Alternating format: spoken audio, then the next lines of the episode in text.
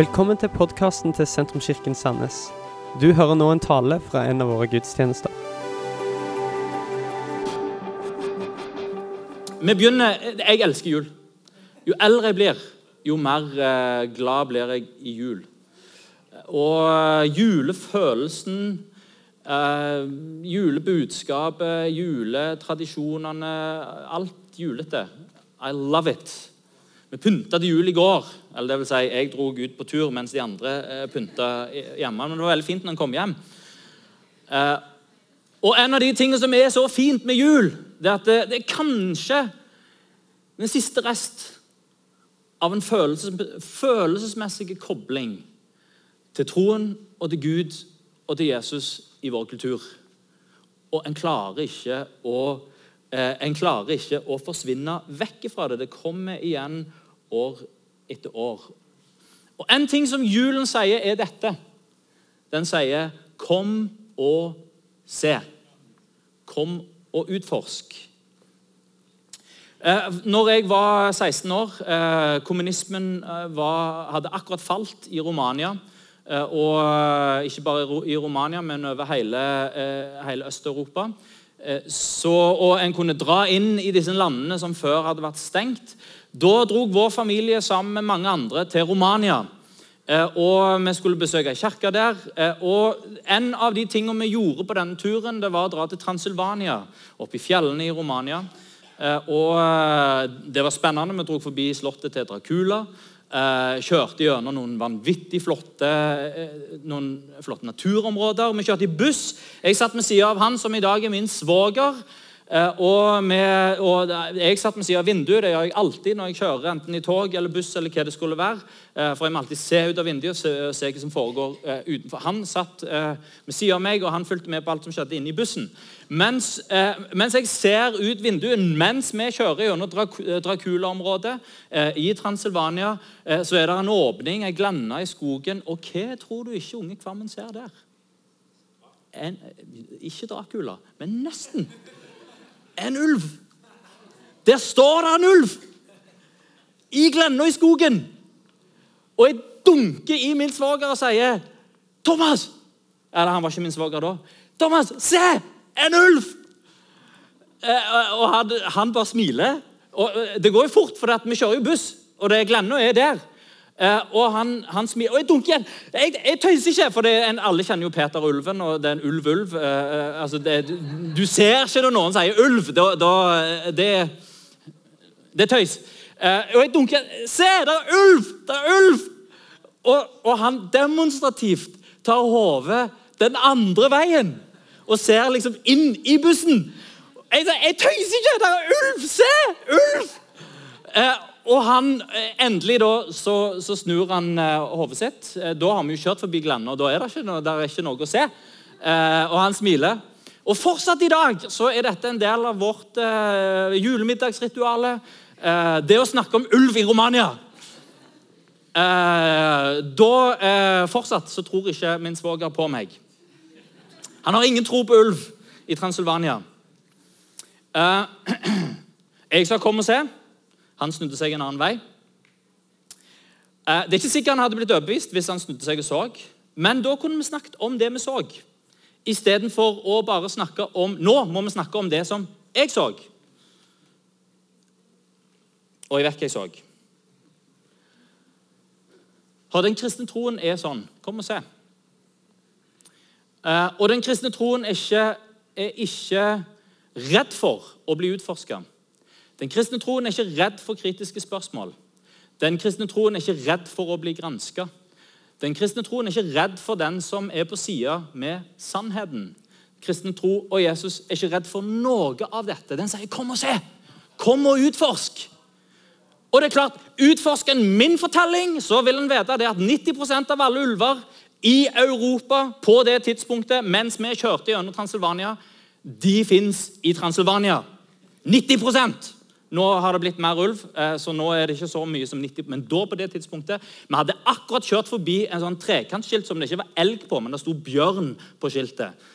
Uh, og vi vet òg at uh, ulver er redd for mennesker, men de er ikke redd nødvendigvis for, for, for biler. Altså, det er ulver som blir påkjørt av biler, som, som dør på den måten der. så en kan utforske historien min, så vil en se det. At jeg hadde rett. Det var ikke en landsby vi kjørte, kjørte gjennom. Det var ikke en schæfer som sto og bjefte utenfor et hus. Det var en ulv som sto i ei glenne i skogen. Troen på Jesus har dårlige vekstvilkår der han kommer med tvang. Det er et problem der kristen tro blir en majoritetskultur, og der du må tro.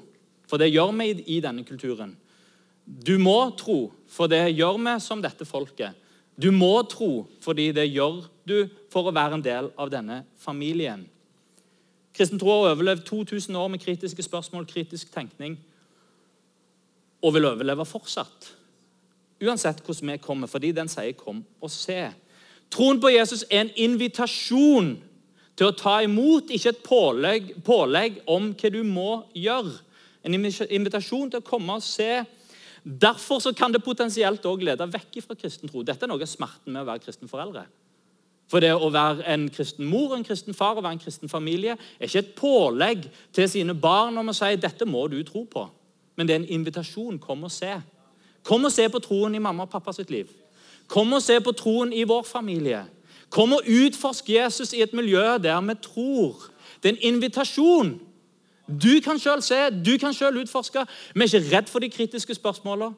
Vi er ikke redd for de vanskelige spørsmålene. Fordi kristen tro og Jesus sjøl sier Han sier 'kom og følg meg'. Han sier 'kom og se'.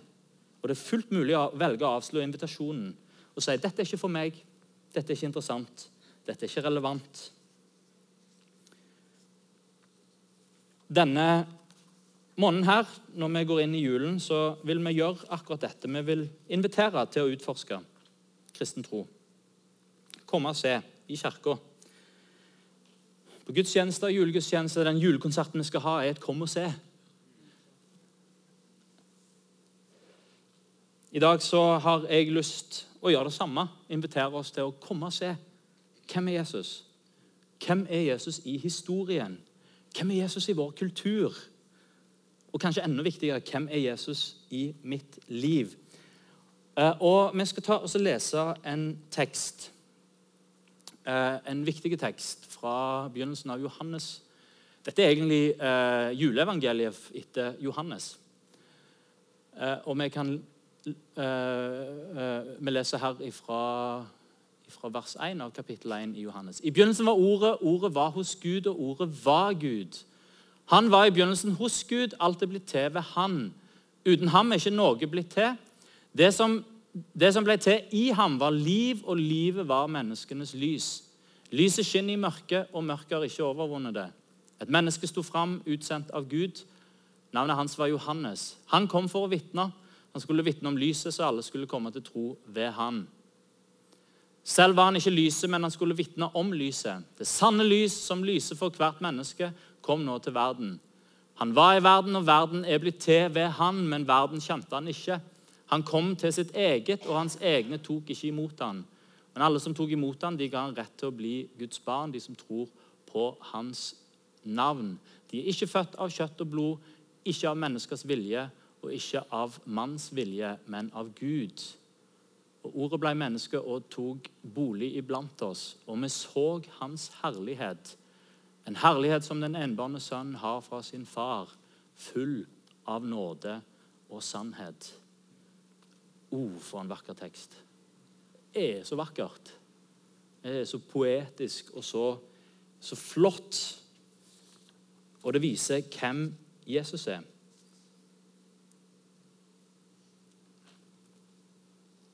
Det vi ser gjennom den teksten, er at Gud skaper gjennom sitt ord. Og vi lærer også gjennom den teksten at Guds ord er mer enn bokstaver. Guds ord for, for, for eh, bokstaven den slår i hjel. Eh, det som bare er bokstavord, det, det, det knuser seg. Men Guds ord, det er ånd, og det er liv. Det er liv i hans ord. Eh, hans ord skaper. Og i det øyeblikket han har sagt noe, så gir det liv. Og så gir det mening. Og så skaper dette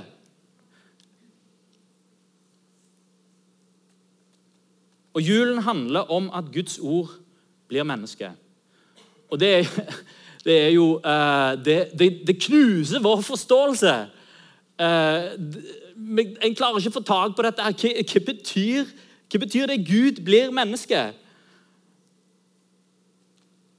Hans ord tar form av et menneske i kjøtt og blod. Det er egentlig Gud som sier, 'Kom ned til jorda', eh, og som sier, 'Se her, mennesker. Sånn som dette Sånn som dette er jeg. Sånn som dette er mitt ord i kjøtt og blod. Jeg prøvde å forklare eh, inkarnasjonen til mine døtre. Eh, og det er jo ikke så enkelt. Men spurte hva, hva hva, må jeg som menneske, altså, hva skjer hvis jeg som menneske prøver å snakke med maur? Eh, og de sa da blir mauren skremt. Og hva skjer med mennesket når Gud prøver å snakke med mennesket? Da blir mennesket skremt. For det er stort, og det er hellig, og det er Det, det skremmer oss. Hva må mennesket gjøre for å snakke med maur? Og Det er klart, altså, det kan en jo ikke gjøre, men, men, men, vi ble enige om at mennesket må bli en maur. Da kan vi snakke sammen. Og tenke akkurat det sånn Gud har tenkt. For å kommunisere, for å opprette kontakt med menneskeheten, som man mister kontakt med. Så blir hans ord menneske. Det er, er, enormt mange ting å hente fra denne teksten, men jeg hadde lyst å eh, si først eh, at, at, noe av det mest tydelige vi ser, er at Gud som blir menneske, altså Jesus som kommer til jorda, det er lys i mørket. Kom og se lyset i mørket. Og det er jo sånn klisjé. Eh, klisjé. Jeg har sett lyset. Uh, Jesus er lyset. Jesus er verdens lys. Vi har det til og med i Stavanger på skilt. Jesus, verdens lys. Uh, og uh, Riksantikvaren har vel sagt at en får ikke lov å ta ned det skiltet. Det er en del av bybildet. Det elsker jeg med Stavanger. At En del av bybildet er at Jesus er verdens lys. Men hva betyr dette? Jeg har lyst til å sette fokuset på noen områder. og Det første er at Jesus lyser opp Bibelen. Kanskje er det langt uh, å gå og si at uh, Bibelen er mørk, men altså, han, han, han, er jo det. Uh, på utsida. Uh, coveret, iallfall. Uh, men det er, å, det er, ikke langt å gå og si at det er deler av Bibelen som er litt vanskelig tilgjengelig. Det er deler av Bibelen som er vanskelig å forstå. Det er historier i Bibelen som en ikke sånn umiddelbart kan plassere rett inn i liksom, Ja, der hører det hjemme. Eh, jeg hørte et intervju med en teolog som er over 70 år, og som har brukt hele livet sitt på å studere Bibelen. og Han studerte teologi og uh, særdeles bibeltro, som fikk servert en historie i, uh, i Bibelen, og som måtte si at mm, akkurat denne er, der er, der er en forklaring her. Uh, og den ligger kanskje i dette feltet her, men dette er vanskelig. Over 70 år gammel. Studert Bibelen hele livet. Det, det det er lov å si at det er vanskelige skriftsteder og vanskelige fortellinger. Da er det fint å vite at Jesus lyser opp Bibelen. Sentrum gir alltid lys til periferien. Det vil med andre ord si at Hvis en har forstått sentrum, så kaster sentrum lys på det som er mørkt.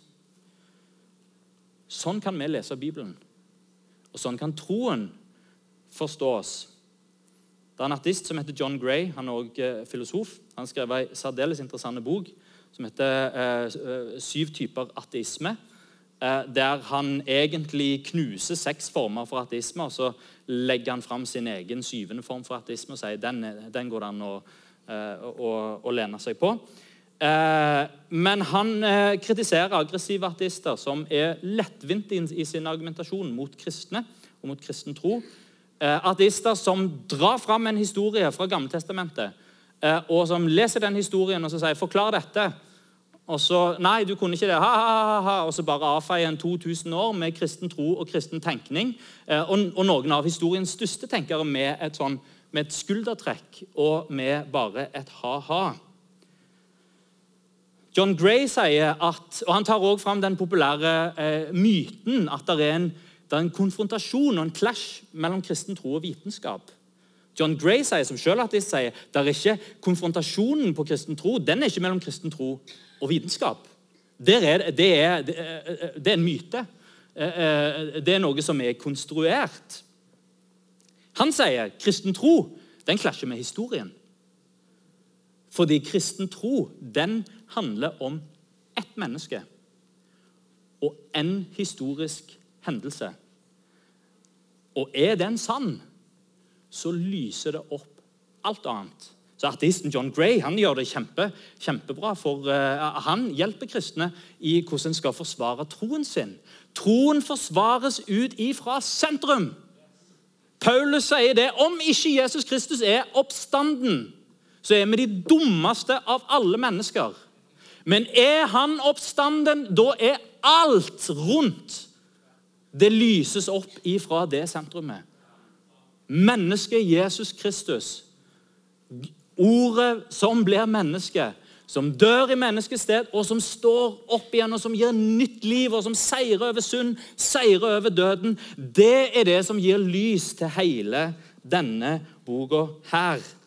Kristen tro faller ikke sammen om det er en historie som en ikke klarer å forklare. Jesus han lyser opp verdenshistorien. Og Jesus' sin fødsel er fundamentert i historien. Lukas begynner sitt evangelius med, eh, evangelius, eh, evangelium med å si det skjedde i de dager. Gud tar skikkelse som menneske og trør inn i historien som et menneske. Han kommer i kjøtt og blod. Min datter Lydia hun har lagd en verden av eh, alver og feer og havfruer. Eh, hun har et personregister i den eh, verden som er imponerende. Eh, og Hun har tegnet alle personene eh, og gitt de forskjellige egenskaper. Eh, og Hun lager fortellinger og hun lager bøker fra den verden som hun har skapt. første eksemplar her Eh, den er til å bli kjøpt for den nettsum eh, av 10 kroner. Hvis noen er interesserte, så kan de komme til, eh, til meg etterpå. Jeg har solgt 30 av den allerede. Første opplag er utsolgt, så nå trykker vi opp opplag nummer to. En utrolig spennende bok som, som storesøster leste gjennom. Og som måtte liksom litt motvillig innrømme at Lydia, den var ganske spennende. Og den er ganske spennende. Det som er gøy, som, som, Lydia har gjort i denne verden som hun har skapt, er at hun har skrevet seg sjøl inn i historien. Den vakre havfrua Water, det er jo henne. Eh, med noen av hennes egenskaper, og, og, noen av hennes egenskaper som hun kanskje skulle ønske hadde òg. Eh, for Water sprer litt magi her og der. Det er inkarnasjon. Gud har skapt vår verden og Så ser han at vi trenger hjelp, og så skriver han seg sjøl inn i verdenshistorien. Ikke som en metafor, men inn, det er en historisk hendelse. Inn i historien. Det skjedde i de dager.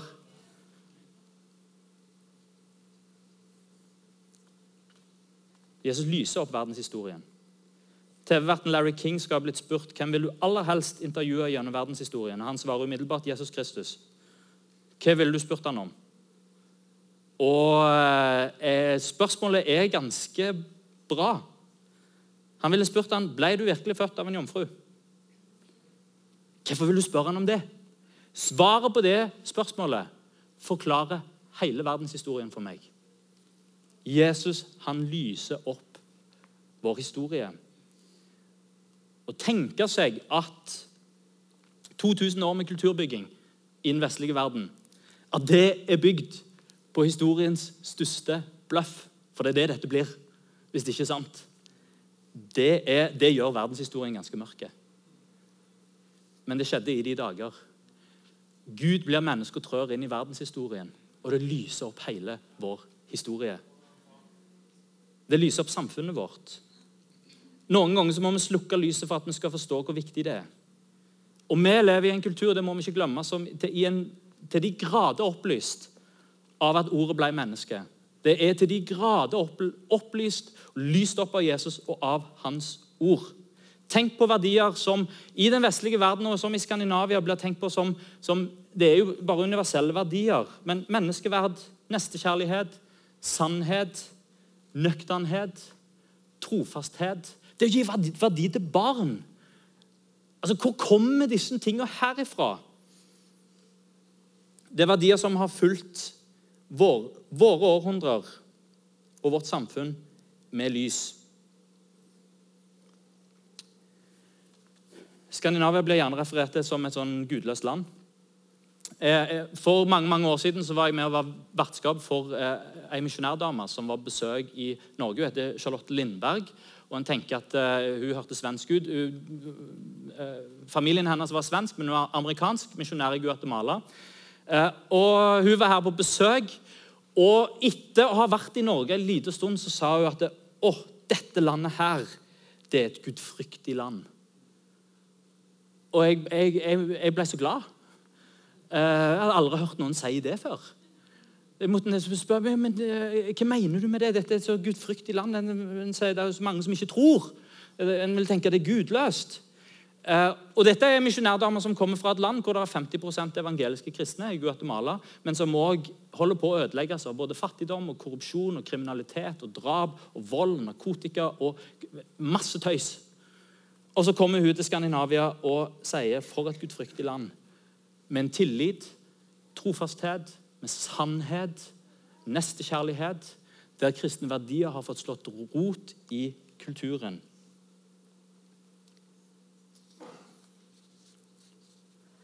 Jesus han lyser opp samfunnet, og han lyser opp kulturen.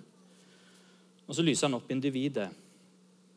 Og Jeg syns det er trist at troende mennesker blir kalt for mørkemenn. Særlig de fra Vestlandet.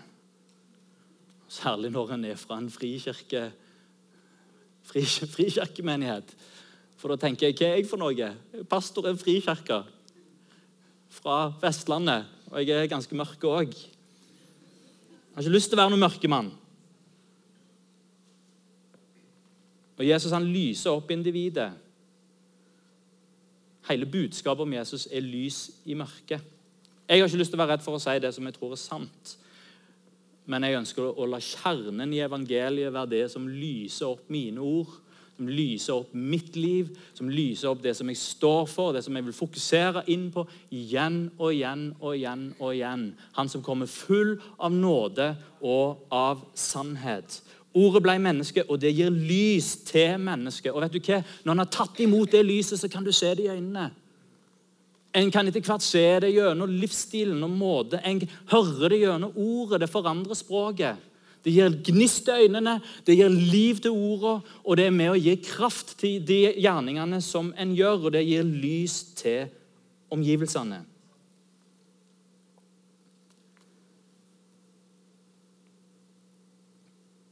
Kom og se lyset i mørket. Denne Teksten fra Johannes den inviterer oss også til å komme og erfare hvem han er. Vi så hans herlighet. Hva er Herrens herlighet egentlig? Det handler om hvem Gud er. Det handler om Guds storhet. Det handler om tyngden av hans person og tyngden av hvem han er. Og I Gammeltestamentet så leser vi at Herrens herlighet fulgte tabernaklet. Når eh, israelsfolket eh, lagde tabernakelet i ørkenen, og når eh, Salomo bygde tempelet, og så innvia de tempelet, og så leser vi at Herrens herlighet fulgte tempelet. Eh, og Det står faktisk at prestene kunne ikke stå oppreist og gjøre tjeneste, for, for, for Herrens herlighet var så tjukt til stede. Det var, det var En merket det følelsesmessig. En, en, kunne kjenne på at å, Gud er nær i dette rommet. Og det kan være overveldende. Og Noen ganger så opplever vi at Herrens herlighet fyller huset på en sånn måte at vi kan kjenne det, at følelsene våre blir berørt. og At en kjenner her er det et nærvær som er hellig og som er godt og det overmanner følelsene våre. Kanskje til og med av og til så kan det ryste oss. For det gir en ærefrykt, og det gir et møte med Gud som, som, som, setter, eh, som setter, avtrykk i oss. Nå tror ikke jeg at det er bare Gud som bærer med seg eh, en sånn herlighet. Mennesker bærer òg med seg en sånn herlighet. En tyngde i sin personlighet og en tyngde i hvem en er og hva en har gjort. Altså, nå har det blitt så populært å snakke om influensere. Eh, hva er influensere for noe? Jo, det er folk som er veldig flinke eh, til å trene. Eh, eller de er veldig flinke til å se fine ut. eller de er kjempeflinke på interiør, eller kjempeflinke med musikk, eller de er bare kjempeflinke til å være noen andre, altså skuespillere. Og noen er bare veldig flinke til å være berømte. Ingen vet helt hvorfor Hvorfor, eh, eh, ser alle på deg? Nei, Det er det ingen som vet, men alle gjør det likevel. Hva er det for noe egentlig? Det er, tyng, altså det er, det er deres herlighet. Har en tyngde i sin personlighet og sine skills som gjør at andre har på en måte lyst til å få en liten bit av det. Hva er det tyngste mennesket du har møtt? Som du på en måte merker at det er i personligheten din her, her det, og Din herlighet fyller rommet. Uh, jeg møtte Carola. Uh, og Carola må jo kanskje være den eneste virkelig popstjerna vi har i Skandinavia. I Norge så har vi bare én som er sånn, sånn Det er Morten Abel. Han, han er, han popstjerne, og han er det fortsatt. Men, men Carola hun er popstjerne for evig. Det er, det er det hun er. Eh, og Selv om hun er omtrent så, så store, så bærer hun tyngde i sin personlighet. Jeg traff henne sammen med noen andre, eh, og hun kjente to av de fra før av og ga de en klem. og Jeg begynte å bli nervøs og lurte på skal hun ta runden. Eh, fordi en blir, en blir starstruck når en, når en, møter mennesker som bærer en tyngde i sin personlighet og i det de har gjort.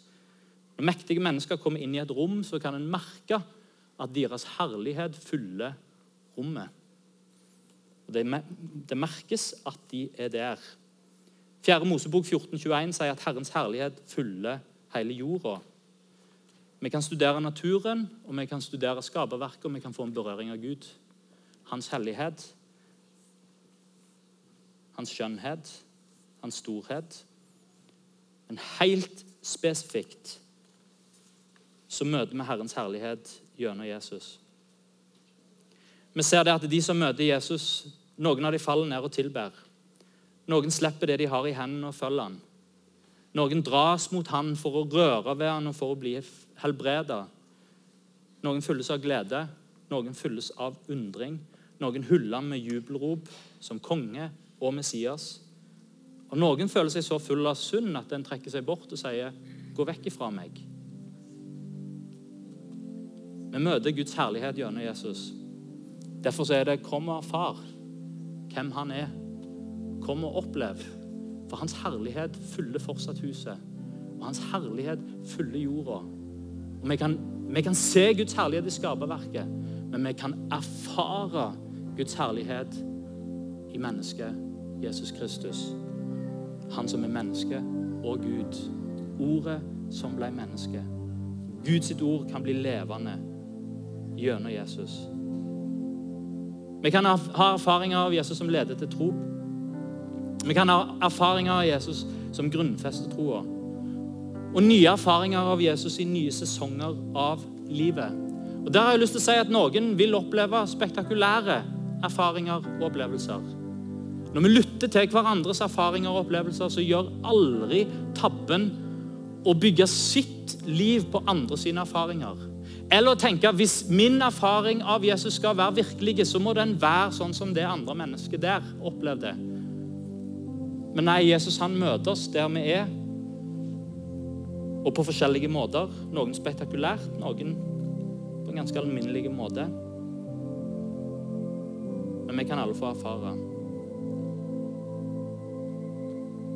For egen del så vet jeg at det er ikke bare forståelsen av hvem Jesus er, som har betydd noe for min del. At jeg har sett. Men det er erfaringen. Jeg husker når jeg var 21. Jeg hadde et ønske om å tjene Gud. Visste at det der, der er noen ting jeg skal gjøre for Gud, og det er noen ting jeg har lyst til å gjøre for Gud. Og Jeg har lyst til å komme nærmere. Og Jeg leste i min bibel, og jeg ba og Jeg leste i min bibel igjen og jeg ba, og jeg følte Gud var bare lysår vekke. Prøvde å leve rett på alle områder. Og jeg gjorde en ganske god jobb òg. Men likevel så følte jeg at var, Gud var så langt vekke. Og til slutt så var det rett og slett sånn at jeg lurte på er jeg en kristen i det hele tatt. En ung mann på 21 som satte leste Bibelen hver dag og som ba og som virkelig prøvde å gjøre det Gud ville. Så kom jeg over ei bok Jeg, jeg glemte å ta den med.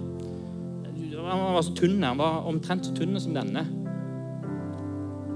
Mindre enn 100 sider. Så enormt kjedelig ut. Eh, bilde på utsida av et maleri av ansiktet til Jesus. Og, så, og Tittelen var jo òg enormt kjedelig. Vi vil møte Jesus. Eh, sånn Det er jo ikke kjedelig, men, men det, var ikke den, det var ikke den som lå og skreik 'ta meg opp'. Men jeg visste det er det jeg vil.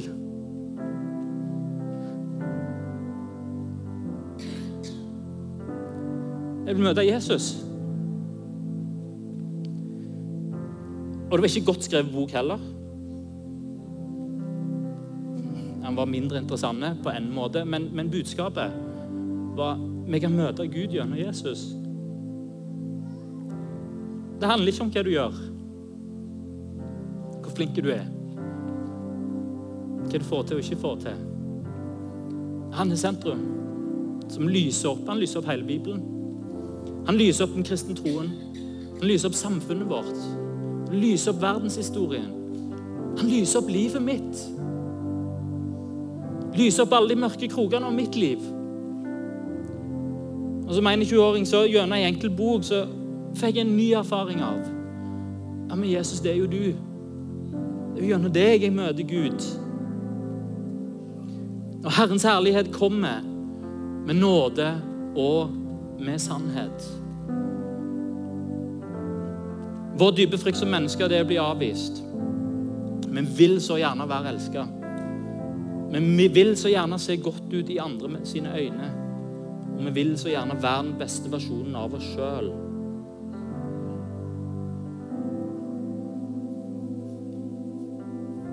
Og I frykt for å bli avvist så gjemmer en kanskje under sannheten. Gjemmer det for andre. Kanskje gjemmer en det for seg sjøl òg.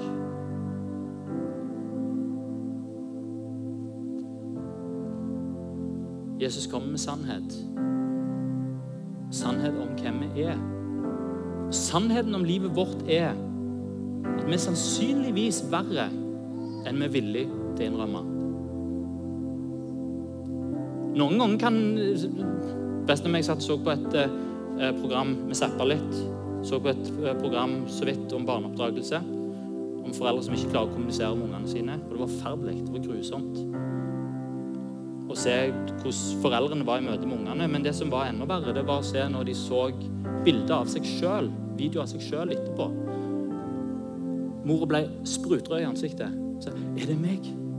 Er det sånn jeg ser ut? Hun så seg sjøl fra utsida og sa Oi, jeg kan jo ikke være sånn. Sannheten om livet er at vi er kanskje verre enn vi er villige til å innrømme. Og Jesus kommer med sannhet om hvem vi er. Peter sa til Jesus, 'Gå vekk ifra meg, for jeg er et syndig menneske'. Men han kom med nåde.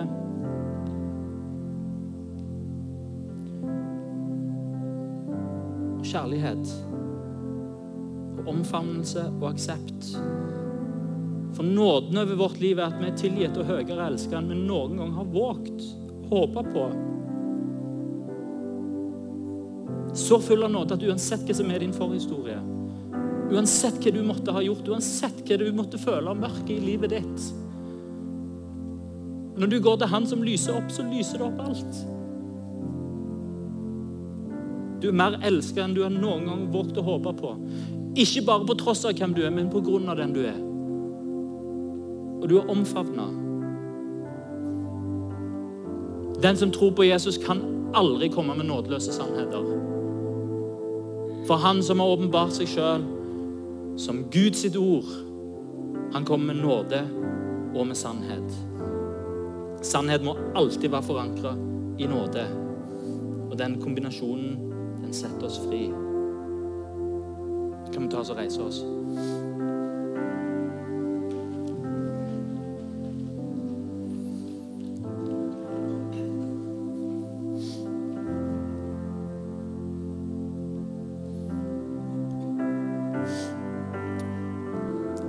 Har en måned med fokus på Bibelen. Og jeg syns det passer godt nå før vi går inn i julen. For den som tror, forholder seg til Bibelen som Guds ord. Og julen sier at Guds ord ble, ble menneske og tok bolig iblant oss. Jesus sier, 'Mine ord skal aldri i evighet få gå'. Hans ord står fast til evig tid. Det kan vi alltid ha tillit og stole på.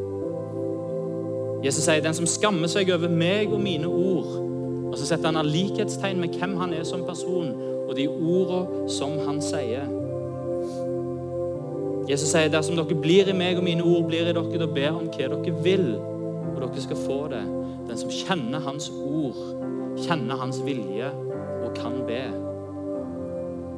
Jesus sier den om noen tar vare på mitt ord, så skal han aldri i evighet dø. Hans ord bærer evigheten i seg. Jesus er Guds ord. Som blir menneske. Og den prosessen fortsetter gjennom den som tror på ham. Når Jesus sitt lys får lov å skinne i oss, da blir ordet menneske igjen. Jeg har lyst til å oppmuntre oss denne, denne julen. Bruke julen til å komme og se hvem han er. Lyset i mørket. Kom og erfar hvem han er. Og en ting vi kan gjøre, det er å se han gjennom hans ord. For hans ord det er ikke bare bokstav. Det er ånd, og det gir liv. Da kan vi få se han. Dette var slutten på denne talen. Håper du har blitt inspirert. Om du har lyst til å vite mer om hvem vi er, eller hva vi gjør, eller har lyst til å høre flere podkaster, så kan du besøke vår nettside sentrums.no.